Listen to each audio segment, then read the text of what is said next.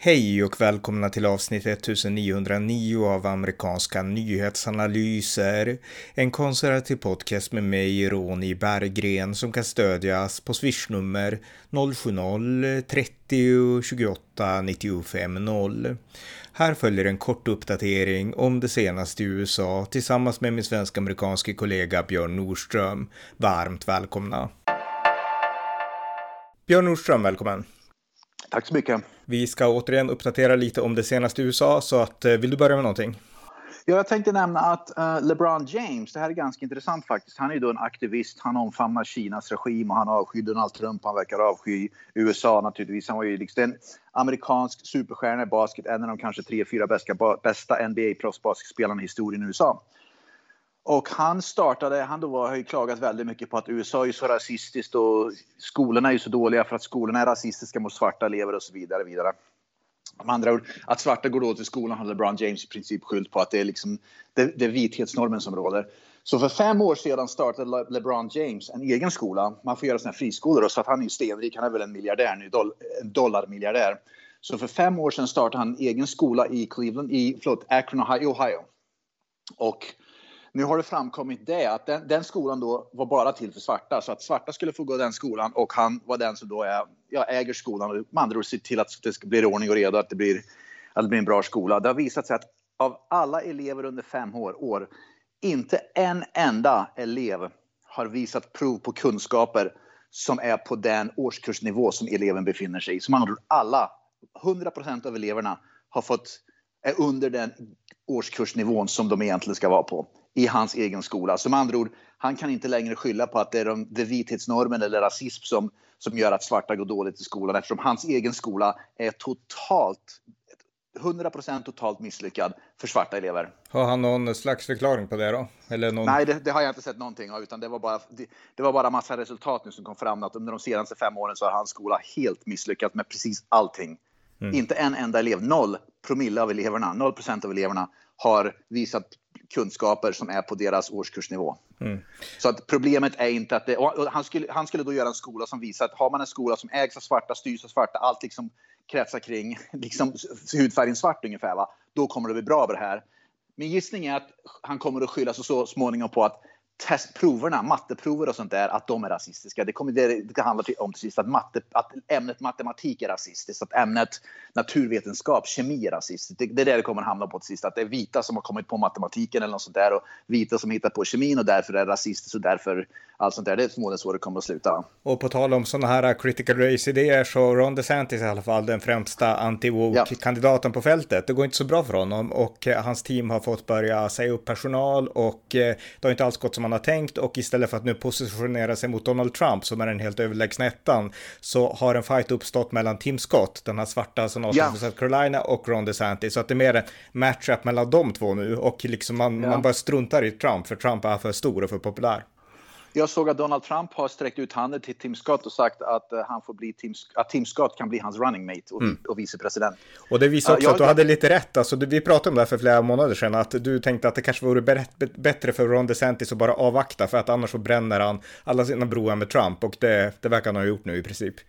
Det är precis det är så jag tror det blir. Att jag tror att han skulle vänta till nästa val istället när Trump inte längre kommer att bli valbar. Av olika anledningar oavsett vad som händer i det här valet. Va? Mm. Jag, har också, jag minns jag också nämnde till att, att Tim Scott tror jag faktiskt, om han, han är ju med i racet och jag tror att han kommer att få ganska mycket uppmärksamhet. Det är många som gillar Tim Scott och jag gör det också. Och dessutom då, det här är så jäkla fel att man måste säga, men Tim Scott gillar jag för att han, han, han liksom har hjärtat och hjärnan på rätt ställe, punkt slut. Va? Men tänker man på ett sätt som, som vänsterliberaler gör så har Tim Scott också rätt hudfärg för att attrahera många svarta som sitter på gärdsgården och inte riktigt vet hur de ska rösta. Och det är kanske viktigt också i valet. Så att han kan nog attrahera. Så jag tror Tim Scott skulle bli en väldigt bra presidentkandidat eller vicepresidentkandidat, vilket det nu blir. Uh, så jag tror att, att Ron DeSantis skulle nog behöva dra sig ur det här racet nu och sitta som guvernör i några år till och sen köra på 2028 istället. Mm, mm. Ja, något mer? Ja, jag såg att en före detta hög chef för Anheuser-Busch då, som då är ja, då ägare av Bud Light. Och det här är då många tror jag tycker nu att då, eh, Bud Light håller på att sparka massa folk nu därför att det går ju så dåligt, de förlorar ju pengar så det, är liksom, det de gör är att de sparkar ju vanliga knegare va, tyvärr. Det de borde göra det är den här chefen då, före detta chefen för Anheuser-Busch sa hög chef, han sa rakt ut att det de borde ha sparkat det är ju, det är ju högsta vdn. vdn för, problemet skulle lösas om man sparkar vdn för, för Anheuser-Busch och anställer en vd som, det, som liksom kommer in och har rätt och sätter, sätter rätt ton och liksom har rätt värderingar från början. Mm. Så de sparkar en massa vanliga människor som tjänar då minimilön ungefär, va? Som, som tillverkar ölen ute i, i fabrikerna. Va? Men chefen som är den som har varit med och ställt till all den här oredan, han får vara kvar. Och han tjänar ju då mångmiljonbelopp. Det är egentligen det är helt fullständigt vansinnigt alltså. Mm. Mm. Inget, inget ansvarstagande bland, bland Ansides och Bush på den sidan heller. Nej, nej verkligen. Ja, något annat? Jajamän. Uh, um, Hunter Biden och Joe Biden har en konflikt nu mellan varandra. Uh, Joe Biden har sagt rakt ut att ingen i min familj, inkluderat Hunter Biden, har tjänat pengar på Kina. Hunter Biden har gått ut och, rakt, och sagt rakt ut att jag tjänar massa pengar från Kina. Så Hunter Biden och Joe Biden säger två helt motsatta saker om pengar tjänades genom Kina eller inte. Mm. Och det är ganska intressant. Och så, det vi vet är att en av dem ljuger ju. Va? Så frågan är, ja, min gissning är att Hunter Biden är faktiskt den som är ärlig i det här och Joe Biden ljuger. Det är min gissning. Ja, ja, ja inte, inte omöjligt. Eh, och utredningarna fortsätter ska sägas. Det händer väldigt mycket ja. i liksom den här historien. Men jag tror att det blir ett separat avsnitt om bara det. Eh, något ja, annat? Jajamän, uh, det har kommit fram. Du kommer du ihåg de här Twitter-files som släpptes för ett antal månader sedan som visar hur Twitter då censurerar och höll på. Det har vi pratat om i flera poddar. Mm. Liknande dokument har kommit fram om Facebook nu.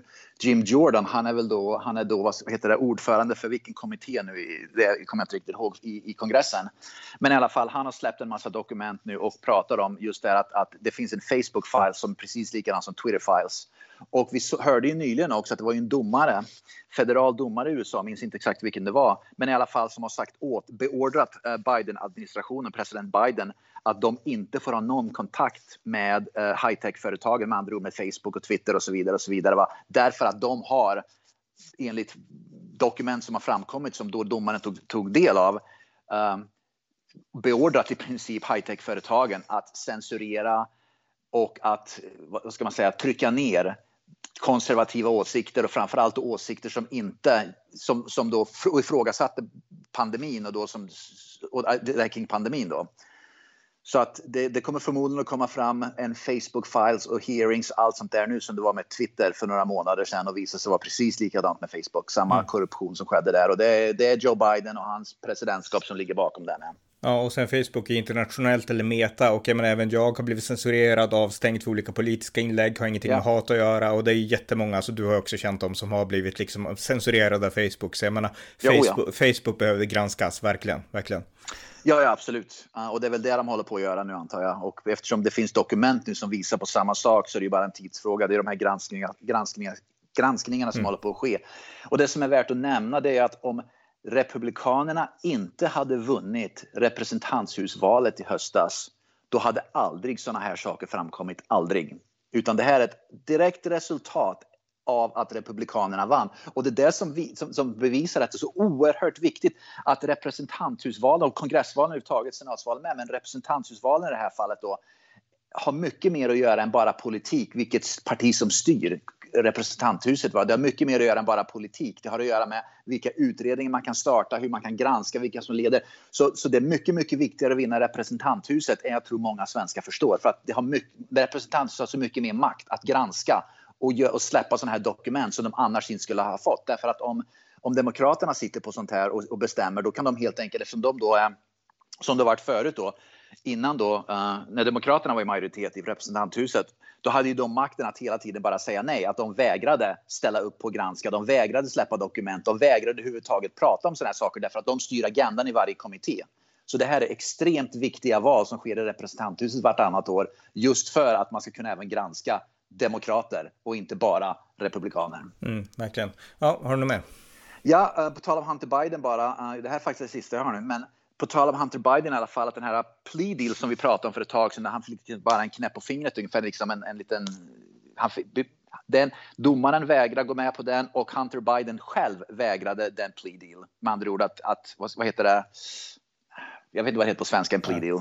Ja, inte jag heller faktiskt, men den blir ogiltig helt enkelt. Den blir ogiltig, ja. Och dom, min, min, så Hunter Biden vägrade gå med på det ändå, ändå, trots att han fick en jätte, jättebra deal men det var tydligen domaren, jag läste lite grann det var domaren själv som tyckte att Hunter Biden kom för lindrigt undan. Det var domaren som gick ut och sa att det här är alldeles för lindrigt. Det här brottet som Biden har, Hunter Biden har begått, den här plea deal som är föreslagen är inte tillräckligt vad ska man säga, bestraffande för Hunter Biden baserat på det brottet han begått. Så den här domaren har verkligen, vad ska man säga, kurage och mod att, att gå efter Hunter Biden som vilken kriminell som helst oavsett vilket namn det är. Mm. Så det är verkligen bra att det här har skett. Nu, ska vi, så nu kommer det förmodligen bli rättegång och allt kommer det här att liksom gå vidare. Va? Men att det var domaren själv och det är ju helt fantastiskt alltså som sa att jag struntar i vad Joe Biden, att Joe Biden är pappa och liksom vem som styr, Merrick Garland styr justitiedepartementet.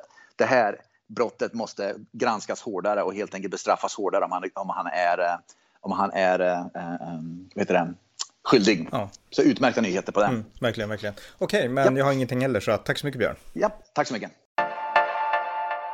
Tack för att ni har lyssnat på amerikanska nyhetsanalyser.